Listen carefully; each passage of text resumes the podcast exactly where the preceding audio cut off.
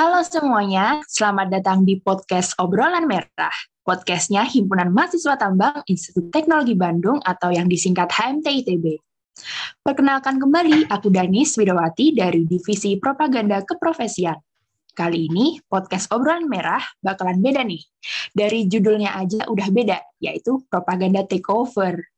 Nah, jadi di episode kali ini, podcast Obrolan Merah bakalan di takeover sama divisi propaganda. Nah, buat ngomongin isu-isu maupun informasi menarik seputar keilmuan keprofesian pertambangan. Kali ini, yang jelasnya nih, aku nggak bakal sendirian dong. Pasti ada temen ngobrol yang tentunya gak kalah cantiknya nih sama aku, yaitu ada Nasda dari HMT 18. Oke, kita sapa dulu nih Nasda.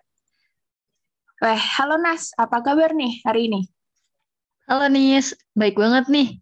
Gimana kalau kamu? Oh ya jelas luar biasa dong Nas. Oh ya Sobat Merah, Nasda ini tuh dari divisi MSDA ya Nas, dari Manajemen Sumber Daya Anggota.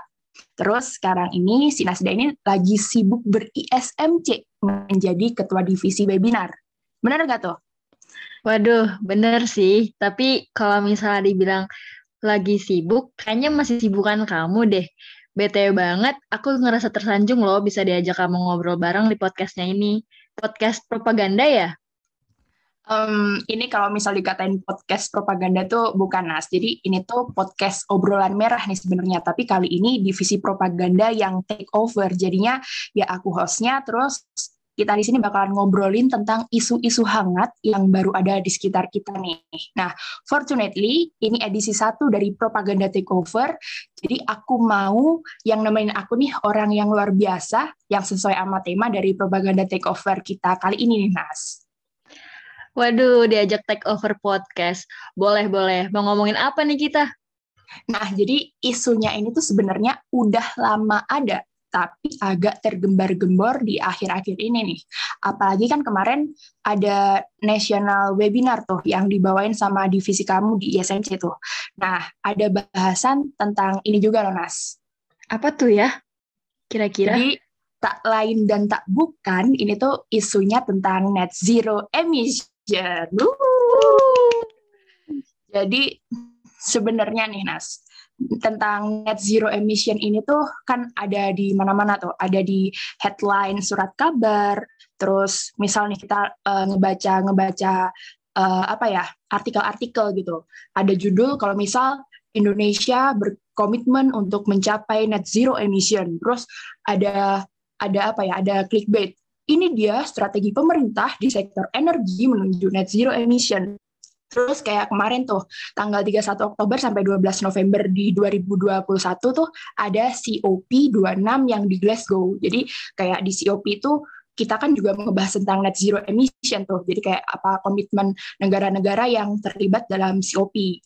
Nah, kan udah banyak tuh tentang istilah-istilah tentang NZE atau net zero emission ini. Nah, tapi kemarin tuh waktu apa? Waktu webinar webinar yang kamu bawain di SMC itu, aku tuh iseng-iseng tuh nanya kayak gambling aja gitu ke beberapa masa HMT kayak, weh tahu nggak sih net, net zero emission tuh apa gitu. Nah, surprisingly kayak mereka tuh belum memiliki pemahaman yang benar nih tentang NZE. Nah, sekarang di sini kita diskusi-diskusi singkat aja lah, Nas kan kamu udah yang mantep banget, udah mau bawain tentang webinar. Ini kita bakalan bawain si propaganda track cover hari ini dengan santai aja. Nah ini aku mau lempar ke Nas dan nih. Kalau menurut kamu nih Nas, yang ada di bayangan kamu tuh NZE atau net zero emission tuh apa sih Nas? Oke, bener banget nih kata kamu. Net zero emission emang lagi rame-ramenya ya diperbincangkan. Kalau menurut pandangan aku sendiri sih, net zero emission tuh tentang bagaimana cara menyeimbangkan antara jumlah karbon dioksida atau gas rumah kaca yang dilepas ke atmosfer. Caranya dengan mengurangi emisi gas rumah kaca tersebut atau dengan kegiatan lain. Itu menurut pandanganku sih. Nggak tahu kalau menurut kamu gimana, Nis? Nah, aku juga setuju banget nih kalau dari kamu yang udah dikatain untuk menyeimbangkan. Karena yang misal nih, aku kemarin iseng-iseng nanya ke orang atau misal aku baca-baca postingan yang mungkin yang ada di Twitter atau di mana-mana. Ternyata banyak loh orang yang masih mengira kalau net zero emission itu tuh kayak kita harus ngenolin si emisi, si emisi gas rumah kaca ini harus dibuat nol. Nggak mau tahu harus nol gitu. Tapi ternyata pengertian yang seperti itu tuh belum tepat, Nas. Nah, kalau misal uh, dari data yang aku baca nih, dari berita-berita juga, kalau menurut Climate Council, net zero emission atau NZE itu didefinisikan sebagai usaha untuk mencapai keseimbangan secara keseluruhan antara emisi gas rumah kaca yang dihasilkan dan emisi gas rumah kaca yang diserat dari atmosfer.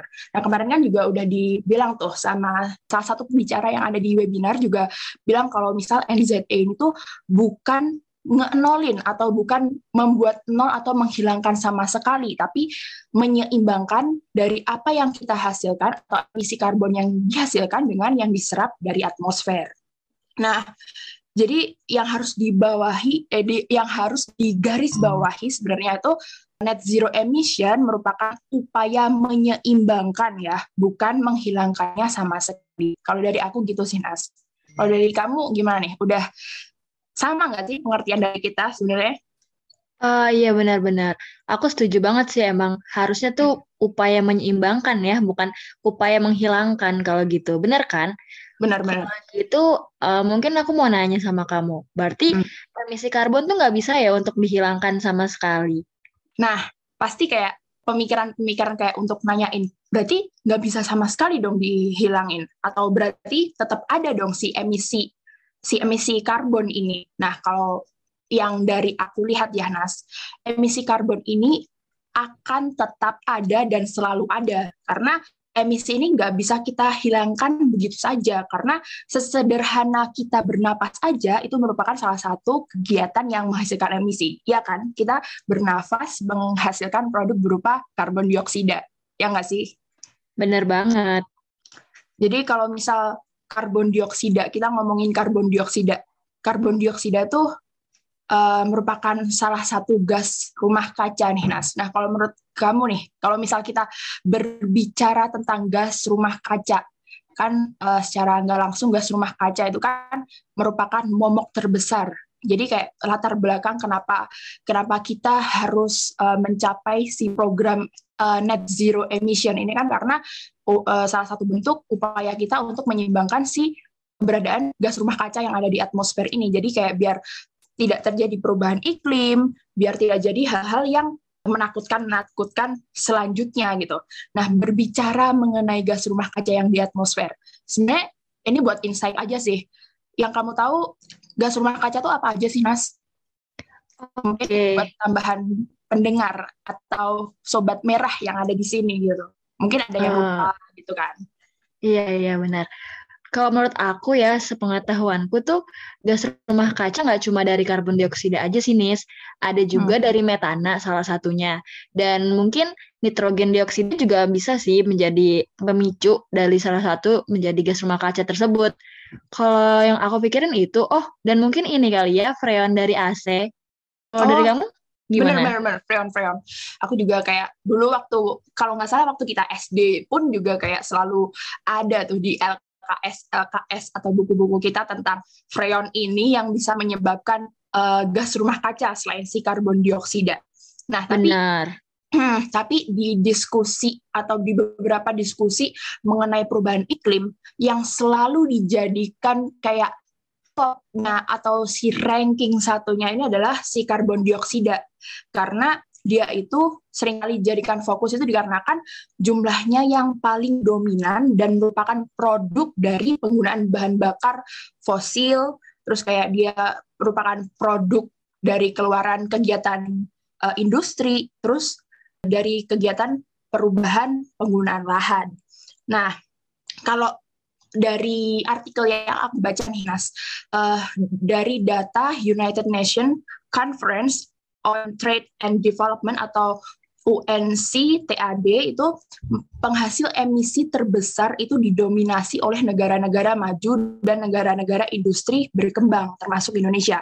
Ini emisi di CO2-nya doang nih padahal. bener nggak tuh kalau misal kalau menurut kamu emisi terbesar tuh negara-negara berkembang? Aku setuju sih, Nis. Apalagi karena mungkin tempat tinggalku di Jakarta sana sangat amat ini ya merepresentasikan banget. Di mana semua orang di sana tuh pakai kendaraan bermotor atau bermobil yang asapnya itu ada di mana-mana dan benar-benar kerasa sih kalau dari aku pribadi. Apalagi kalau misal negara berkembang itu kan emang industrinya lagi emang jor-joran gitu kan. Jadi Benar. Eh, kegiatan industri itu kan pasti menghasilkan produk kayak misal asap. Misalnya produk sampingan tuh pasti ada ada asapnya lah. Asapnya itu kan kita nggak tahu tuh di situ ada apa aja tapi yang kita tahu utamanya di situ ada karbon dioksidanya yang kalau misal dibuang ke lingkungan bebas itu bakalan menyebabkan pokoknya dia tuh bakalan menjadi salah satu penyumbang gas rumah kaca terbesar. Ya nggak? Benar itu benar banget sih. Hmm. terus kita mau ngomongin apa nih? Dari tadi jadinya ngomongin gas rumah kaca terus nih Oke. Ada topik baru nggak, Nas? Kira-kira. Kalau dari aku sih, mungkin karena kita kan mahasiswa tambang nih ya. Mm -mm. Uh, gimana kalau misalnya kita obrolin aja nih kaitan dari si net zero emission ke pertambangan itu sendiri? Karena pasti kan dari industri pertambangan juga ada tuh kontribusi-kontribusi atau hubungannya lah dengan net zero emission. Nah, kalau dari kamu sendiri gimana tuh menurut kamu? Hmm, jelas sih. Berarti kan kalau misal seharusnya sih kita sebagai insan pertambangan atau ya udah nggak usah ngomongin kita lah. Kalau menurut aku nih pelaku usaha pertambangan itu tuh pasti menyadari bahwa misalnya pertambangan kita wabil khusus kan ke batu bara itu tuh hmm. salah satu penyumbang emisi karbon dioksida atau gas rumah kaca yang cukup besar.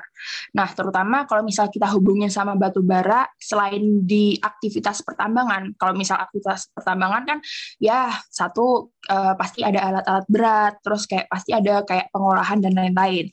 Kalau misal di batu baranya sendiri itu pasti ada bakalan dibawa ke pembangkit listrik tenaga uap. Jadi korelasi NZ E atau net zero emission dengan pertambangan tuh ya di situ ada PLTU, ada uh, kegiatan pertambangan, terus dari ya aktivitas-aktivitas penunjang pertambangan itu sendiri. Kalau dari aku gitu sih Nas.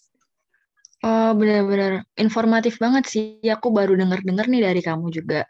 Hmm, oke oke. Gimana kalau misalnya gitu kita lanjut aja berarti kontribusi dari pertambangan itu sendiri kira-kira menurut kamu gimana tuh buat bisa mencapai dari net zero emission itu sendiri?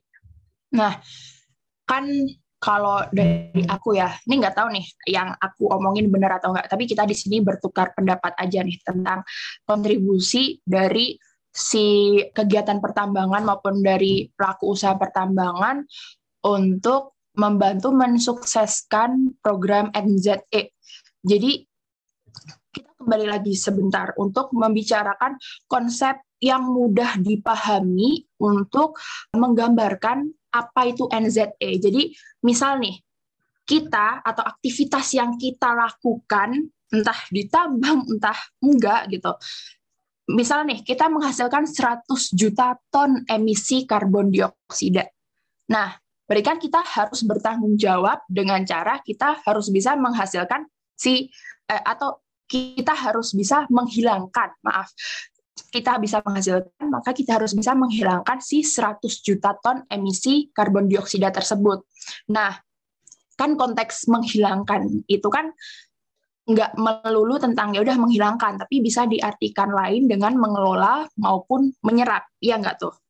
Nah, nah, kalau misal kalau misal di sektor pertambangan, khususnya batu bara dan kegiatan yang berhubungan dengan PLTU, yang kepikiran dari aku nih, yang kemarin misal aku ngeliat di webinar yang udah kamu bikin itu Nas, itu tuh beberapa contoh kontribusi untuk menekan jumlah emisi karbon itu di antaranya adalah uh, dengan cara penerapan teknologi carbon capture utilization storage. Terus bisa juga kayak penggunaan biofuel terus mengoptimalkan proses penambangan dengan meningkatkan uh, apa ya uh, produktivitas efisiensi terus uh, mungkin bisa juga dengan pengelolaan limbah misalnya faba dengan optimal. Nah kemarin ingat nggak sih Nas kalau misal kenapa kita harus meningkatkan produktivitas efisiensi. Misalnya kayak kita kerjanya tuh yang efisien banget gitu. Ingat nggak kenapa kira-kira? Kenapa dia bisa membantu untuk membantu menekan jumlah emisi karbon? Iya, kalau misalnya produktivitasnya tinggi, berarti kan kita nggak bakal ngeluarin bahan bakar yang banyak untuk alat-alat di tambang. Bener nggak sih kira-kira kayak gitu, Nis? Ah, bener banget tuh. Kalau misal uh, nggak banyak alat-alat yang bekerja maupun misal uh, efisien kerjanya banget, berarti kan nggak banyak ini kan, nggak banyak asap yang keluar, nggak banyak uh, apa produk-produk polutan yang keluar dari si kegiatan itu sendiri. Keren. Ih Nasda ih aduh. Aduh. Jadi jadi apalagi nih yang mau kita omongin? Kayaknya kita okay, biar nggak okay. muter-muter di situ lagi.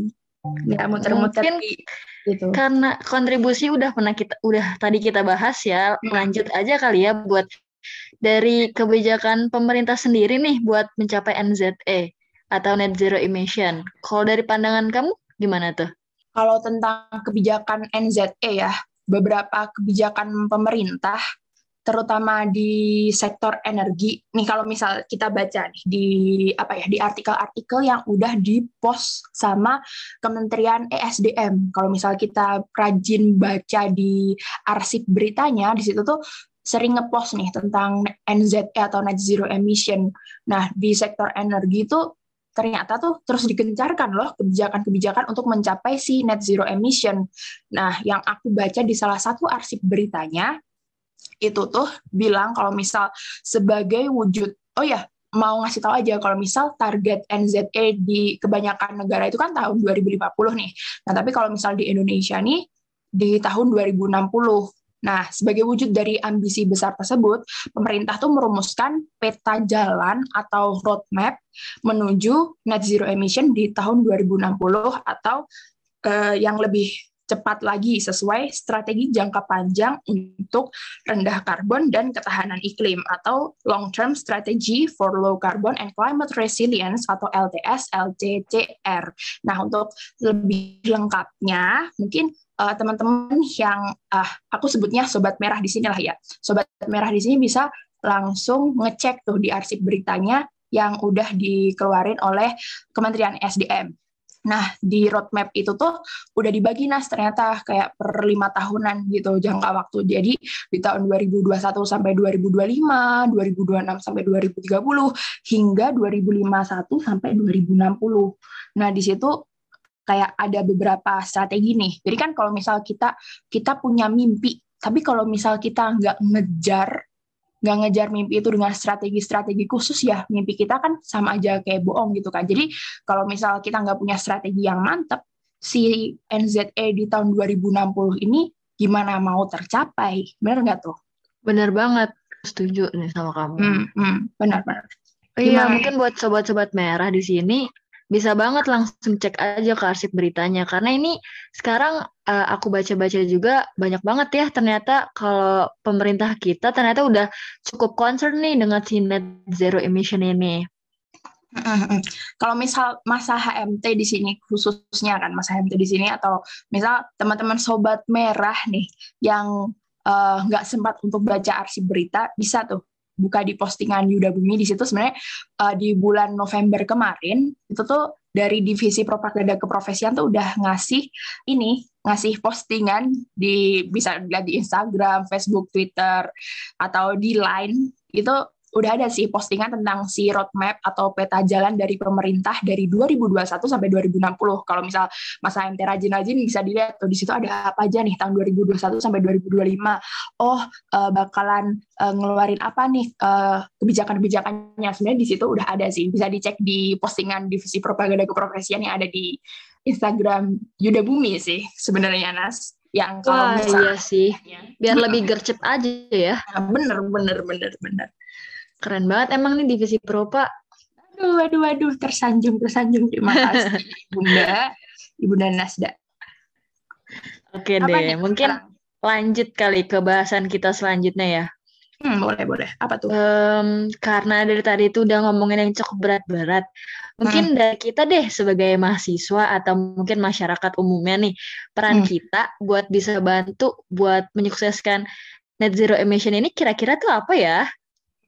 Ya, kalau misal ditanya peran nih, kita pasti bakalan pikir yang pertama adalah untuk mencapai net zero emission. Biar kayak kita membantu untuk mengelola si emisi karbon apa tuh. Nah, kalau di aku ya, Nas, pikiranku yang pertama tuh langsung ngomongin, maksudnya kayak langsung celing gitu. Tulisannya kayak pohon. langsung, uh, boleh menanam pohon, tapi kayak bukan bukan menanam pohon juga sih. Itu kayak Apa yang tuh? kedua gitu. Yang pertama itu tuh kayak menghemat penggunaan energi. Ya enggak sih? Hmm, Kamu- bener sih. Kamu kalau misal tidur gitu, Nas, pakai lampu nggak? Enggak dong. Kan Gelap-gelapan aku gitu. mau berkontribusi untuk negeri ini. Aduh, aduh, aduh, mantap sekali. Jadi bener tuh, kalau menurut aku yang pertama tuh uh, kita harus melakukan penghematan penggunaan energi. Jadi mulai dari kalau misal nih kita tidur, kalau masa HMT kayaknya tidurnya bisa dikatakan optimal lah ya, mungkin 8 jam gitu. Kan lumayan kalau misal kita tidur 8 jam dalam kondisi gelap. Maksudnya kayak kita mematikan lampu, berarti kan kita menghemat uh, penggunaan energi listrik terutamanya gitu kan. Benar. Terus nih, Nas, kalau misal kamu nge-charge HP atau pakai laptop gitu sambil di-charge atau misal komputer gitu, kalau misal nggak kamu pakai, kan auto dimatiin nggak sih? Atau gimana iya nih? dong. Kalau kadang kamu Eh, masih kelupaan gitu. Eh, sejujurnya kalau dari aku pribadi kadang suka ada kelupaan sih ini soalnya Hmm. gimana ya kadang kebawa lagi tidur tiba-tiba masih ngecas atau gimana gitu. Tapi seminimal mungkin aku coba sih kalau aku ingat. Hehe. Hmm. Hmm, udah keren sih itu. Jadi kalau misal kita punya peralatan elektronik, kalau misal nggak lagi dipakai, misalnya televisi. Tapi kalau misal di kos-kosan, jarang sih televisi. Mungkin AC lah, sesederhana AC. Tapi kalau di Bandung pakai AC juga agak eh, Dingin ya, Bun? dipertanyakan. Iya, Bunda. Jadi agak dipertanyakan Mm-mm. tuh penggunaan AC ini. Jadi kalau misal kita udah hidup di kota Parahyangan di Bandung Lautan Api ini walaupun namanya Bandung Lautan Api tapi terkadang sangatlah dingin seperti di Alaska. Jadi eh, untuk penggunaan AC mungkin bisa dipertimbangkan kembali. Jadi kita bantu-bantulah sama program dari eh, pem- bukan program pemerintah saja nih, tapi program dunia untuk net zero emission. Jadi kita gunakan peralatan elektronik sebijak mungkin. Terus menghemat penggunaan energi nih bisa dengan ini nih Nas. Kamu kamu di Bandung nih sekarang lagi bawa motor nggak? Kebetulan aku nggak bawa motor nih nih kalau di Bandung. Nah, mantep tuh. Jadi kayak kita mungkin kalau misal pengen eh, berkendara gitu bisa naik eh, transportasi umum atau mungkin bisa membiasakan diri untuk bersepeda atau berjalan kaki. Misal kalau misal nggak jauh-jauh amat, misalnya kamu pengen ke Indomaret atau apa gitu, nggak yang dikit-dikit naik motor atau apa gitu, tapi kayak jalan kaki aja atau misal kalau misal ada sepeda ya udah pakai sepeda gitu. Terus kalau misal ke mana-mana pakai transportasi umum atau nebeng gitu. Bener banget yang kamu bilang karena tadi kan ini ya apa tuh net zero emission kan salah satunya dari karbon dioksida dan kendaraan dan yang lain-lain ya. Berarti dengan kita jalan kaki itu tuh ngebantu banget untuk mengurangi emisi karbon, ya kan? Bener, bener banget tuh. Atau kalau misal punya cowok gitu bisa diminta untuk tebengin lah gitu-gitu lah. Jadi kayak biar Aduh, nggak ini, nggak apa, tidak memboros-boroskan apa namanya bensin atau apa pun itu. Jadi kayak biar lebih optimal saja lah ya Bun. iya sih. Tapi nebengnya sama pacar sendiri ya, jangan pacar orang. Aduh, aduh, aduh. Kalau sama pacar orang kena timpuk. Benar. sih izin dulu mungkin. Oh iya boleh. Hmm, boleh, boleh, boleh. Jadi selain menghemat penggunaan energi, kayak yang kamu bilang tadi tuh, Nas, menanam pohon. Ternyata menanam pohon itu juga salah satu bentuk, misal kontribusi kita nih sebagai insan yang bertanggung jawab, insan akademisi yang baik untuk mendukung program net zero emission. Jadi kan kita tahu tuh kalau misal pohon itu kan juga menyerap CO2 terus kayak dia mengeluarkan O2 untuk udara, ya nggak sih? Benar banget. Heeh. Jadi kayak selain mengurangi emisi dengan menanam pohon dan tumbuh-tumbuhan lainnya tuh lingkungan bisa menjadi lebih hijau dan segar. Kamu di kosan atau di rumah gitu nanam-nanam pohon atau ijo-ijo gitu nggak yang segar-segar gitu? Kalau di rumah kebetulan aku dan Bunda emang suka banget nih buat nanam-nanam pohon atau sekedar beli tanaman-tanaman cantik. Soalnya selain mempercantik, dia juga bikin adem rumah nggak sih? Nah, bener banget tuh, jadi kayak seger, kita jadi nggak demot untuk ngapa-ngapain. Bener banget. Bener tuh, banget. Keren, keren, keren. Jadi selain menghemat energi, menanam pohon juga bagus banget. Terus ada lagi nih, aku baru keinget Betul. Uh, mungkin bisa dilakukan dengan menggunakan produk yang ramah lingkungan. Jadi kalau misal nih kita kayak gimana uh, tuh misalnya? Kayak misal nih kamu pakai sedotan, sedotan tuh nggak sedotan yang plastik atau kita nggak pakai cup-cup plastik gitu kayak kita ke mana-mana bawa tumbler gitu atau botolnya yang yang nggak sekali pakai doang gitu jadi kayak penggunaan barang-barang yang ramah lingkungan itu mungkin bisa kita lakukan secara berulang. Misalnya ya tadi kayak kita berhenti menggunakan sedotan plastik terus kayak peralatan makan yang kayak sekali pakai yang kayak styrofoam styrofoam gitu. Terus kayak kita oh, iya, misalnya iya. belanja ke pasar kan aku nih seneng banget nih masak-masak terus kayak ke pasar ke pasar simpang dago gitu kan. Nah belanja tuh nggak yang dikit-dikit minta kresek atau apa gitu aku bawa tas kantong belanja setiap hari setiap pergi belanja gitu. Jadi kayak biar mengurangi penggunaan barang-barang yang non reusable gitu. Kalau dari kamu gimana tuh hal-hal yang menggunakan produk ramah lingkungan? Ada insight-insight baru nggak? Oh iya benar-benar. Soalnya aku juga pernah dengar ini sih dan aku juga udah sempat mempraktekin juga kayak kamu. Mungkin kalau kamu pakai tote bag buat ke pasar ya. Kalau aku tuh setiap sekarang nih kalau kuliah selalu bawa botol minum sendiri sih, Nis. Selain hmm. kita menghemat juga, uh, itu juga tadi yang kamu bilang membantu untuk mengurangi limbah-limbah nggak sih? Benar-benar benar keren sih. Aku kadang juga udah kayak ngelihat dari teman-teman tuh udah tumbler-tumblernya tuh keren-keren gitu kayak tulisan uh, life must go on, move on, move on gitu-gitu kayak atau misal nih ada kayak yang gambar-gambar Starbucks Starbucks gitu jadi kayak keren-keren gitu kan. Ya nggak sih? Biasanya kamu lihat tulisan-tulisannya apa aja tuh Nas di kelas-kelas gitu? Biasanya nih yang sering aku lihat ya tumbler-tumbler yang teman-teman kita pakai ini sih Tupperware. Mungkin karena ibu-ibu mereka tuh suka kali ya. Iya, iya benar-benar Tupperware, Tupperware. Kayak kita lebih takut untuk ngilangin Tupperware daripada apa ngilangin hal-hal yang lain, ya nggak sih?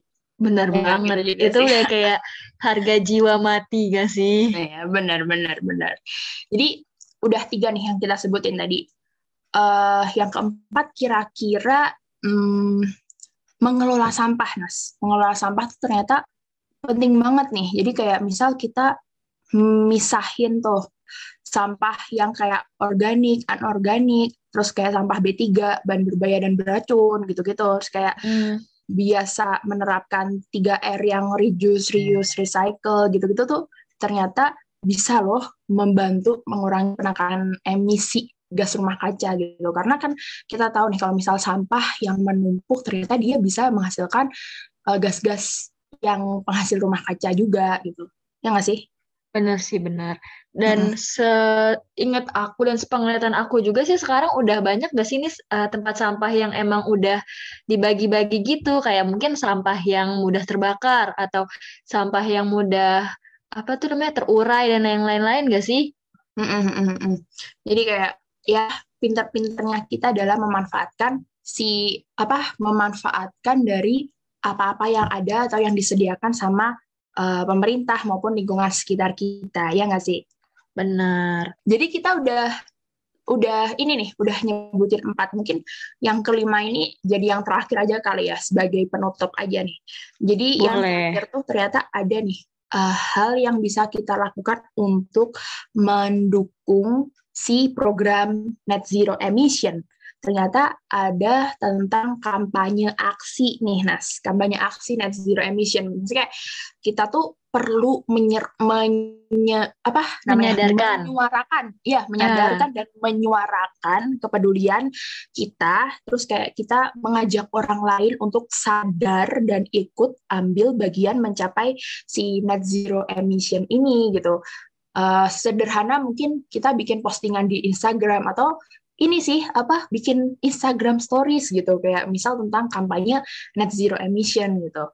Kalau kampanye-kampanye yang sering kamu lihat tuh yang apa? Kalau aku sih sekarang kalau misal dengar kampanye bukan kampanye yang ya yang turun di jalan bisa sih, tapi yang lebih kayak berdampak dan kayak memberikan impact aku tuh sekarang tentang si sosial media ini sih. Kalau dari kamu gimana tentang misal kalau ada kata-kata tentang kampanye aksi net zero emission gitu? Benar-benar. Aku juga udah jarang sih lihat orang yang kampanye langsung turun ke jalan ya. Uh, mungkin kalau kampanye-kampanye net zero emission yang umum aku temuin, benar kata kamu sih dari sosial media. Entah itu melalui Tribun kah, gerakan-gerakan suatu organisasi non-profit, atau mungkin lewat juga kayak kita gini. Hmm, bener banget tuh. Jadi sambil kita memberikan insight kepada masa HMT lewat obrolan kita pada kesempatan kali ini kita tuh juga ikut mengkampanyekan nih dengan salah satu episode di obrolan merah kali ini tentang ya walaupun propaganda takeover tentang edisi satu net zero emission tapi ini tuh nggak cuman kita ngasih insight atau ngomongin isu maupun memberikan informasi nih, tapi kita juga sebagai salah satu bentuk kampanye kita untuk menyadarkan kepada misal pendengar atau sobat merah mengenai pentingnya net zero emission dan kenapa net zero emission ini harus kita dukung nih karena benar-benar ya kita sebagai khususnya kita insan pertambangan yang bisa dikatakan kita tuh menghasilkan emisi karbon gitu tuh harus sadar gitu. Apa yang kita hasilkan harus bisa kita serap lagi gitu gitu kan. Jadi mungkin ini kita udah cukup lama nih Mas untuk podcast oh, pada ya. kesempatan kali ini. Nah mungkin kita bisa sambil uh, closing kita ini nih ngasih insight ataupun pesan nih kepada sobat merah di sini untuk boleh. uh, apa ya untuk gimana ya Nas kita ngomongnya? Buat berkontribusi kali ya. ya berkontribusi dalam dalam hal mendukung gerakan net zero emission ini. ya untuk mencapai si net zero emission. Ya setidaknya untuk membantu mensukseskan program net zero emission. Ya sesederhana itu tadi kita menggunakan listrik dengan bijak, kita menggunakan nah. energi dengan bijak, terus kita menanam pohon, kita mengkampanyekan aksi dan lain-lain. sampah. Itu, ya benar banget tuh. Itu tuh bisa uh, mendukung uh, si program net zero emission ini. Nah, jadi kayak misal sobat merah yang ada di rumah maupun masa HMT, yuk kita dukung kebijakan pemerintah yuk kita bantu sukseskan si net zero emission ini. Gitu nggak sih, Nas? Benar, demi ini ya, apa sih tadi yang digembor-gemborkan pemerintah yang 2060 ya, Nis? Iya, menuju energi bersih dan emisi bersih karbon gitu. Menur menuju net zero emission lah kalau misal bahasa kerennya gitu. Iya, bener banget. Oke deh, mungkin gitu aja sih kalau dari kita ya.